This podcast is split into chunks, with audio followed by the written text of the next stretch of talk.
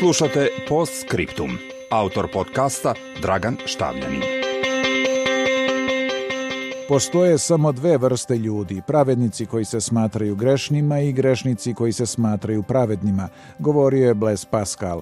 Na Balkanu je očito kudikamo više onih iz druge kategorije koju pominje čuveni francuski naučnik i filozof iz 17. veka, s obzirom na nespremnost političkih elita, ali i naroda da se suoče sa sobstvenom odgovornošću za sve što se dešavalo tokom 1990. godina.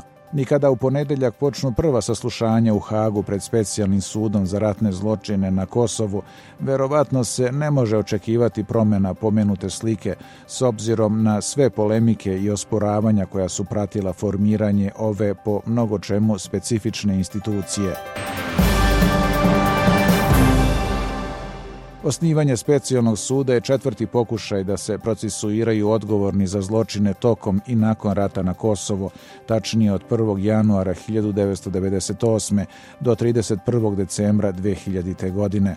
Na Kosovu je u ovim zbivanjima ubijeno oko 13.500 ljudi, od toga 10.367 civila, 8.700 albanaca, 1.200 srba, kao i 462 Roma i pripadnika drugih manjina.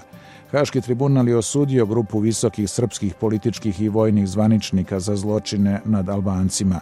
Istovremeno bilo je više neuspešnih pokušaja da se sankcionišu i zločini nad Srbima i drugim nealbanskim manjinama, ali i Albancima za koje se tereti oslobodilačka vojska Kosova. Specijalni sud za Kosovo spada u takozvane hibridne sudove u kojima se prepliče domaće i međunarodno zakonodavstvo, kao u slučaju sličnih institucija u Istočnom Timoru, Kambođi ili Sierra Leoneu. Međutim, dok se u drugim hibridnim sudovima nalaze domaće sudije zajedno sa međunarodnim, u specijalnom sudu za Kosovo biće zastupljene isključivo strane sudije.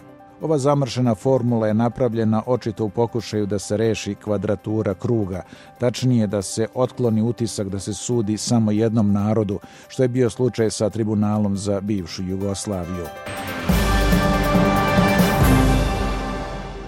Za sada nije obelodanjena ni jedna optužnica, ali se spekuliše da bi se na njima moglo naći više od 60 bivših lidera i pripadnika OVK, među njima i neki od sadašnjih političkih čelnika na Kosovu bez obzira na političke potrese, osim zadovoljenja pravde i okončanja dosadašnje prakse nekažnjivosti, specijalni sud može imati i širi pozitivni uticaj tako što će ohrabriti druge inicijative, čiji je cilj suočavanje sa teškim nasledđem sukoba na Kosovu.